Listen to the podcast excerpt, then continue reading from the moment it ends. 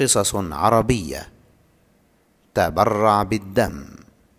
وأخيرا دق الجرس وانتهت المباراة. فراح الطلاب يبدلون ملابسهم في غرفة الملابس.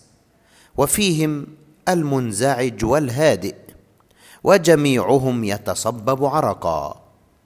وكانوا يختلسون إلى مصطفى وهم مرهقون. ولا يجرؤ أحد منهم أن يتحدث معه في هذا الأمر.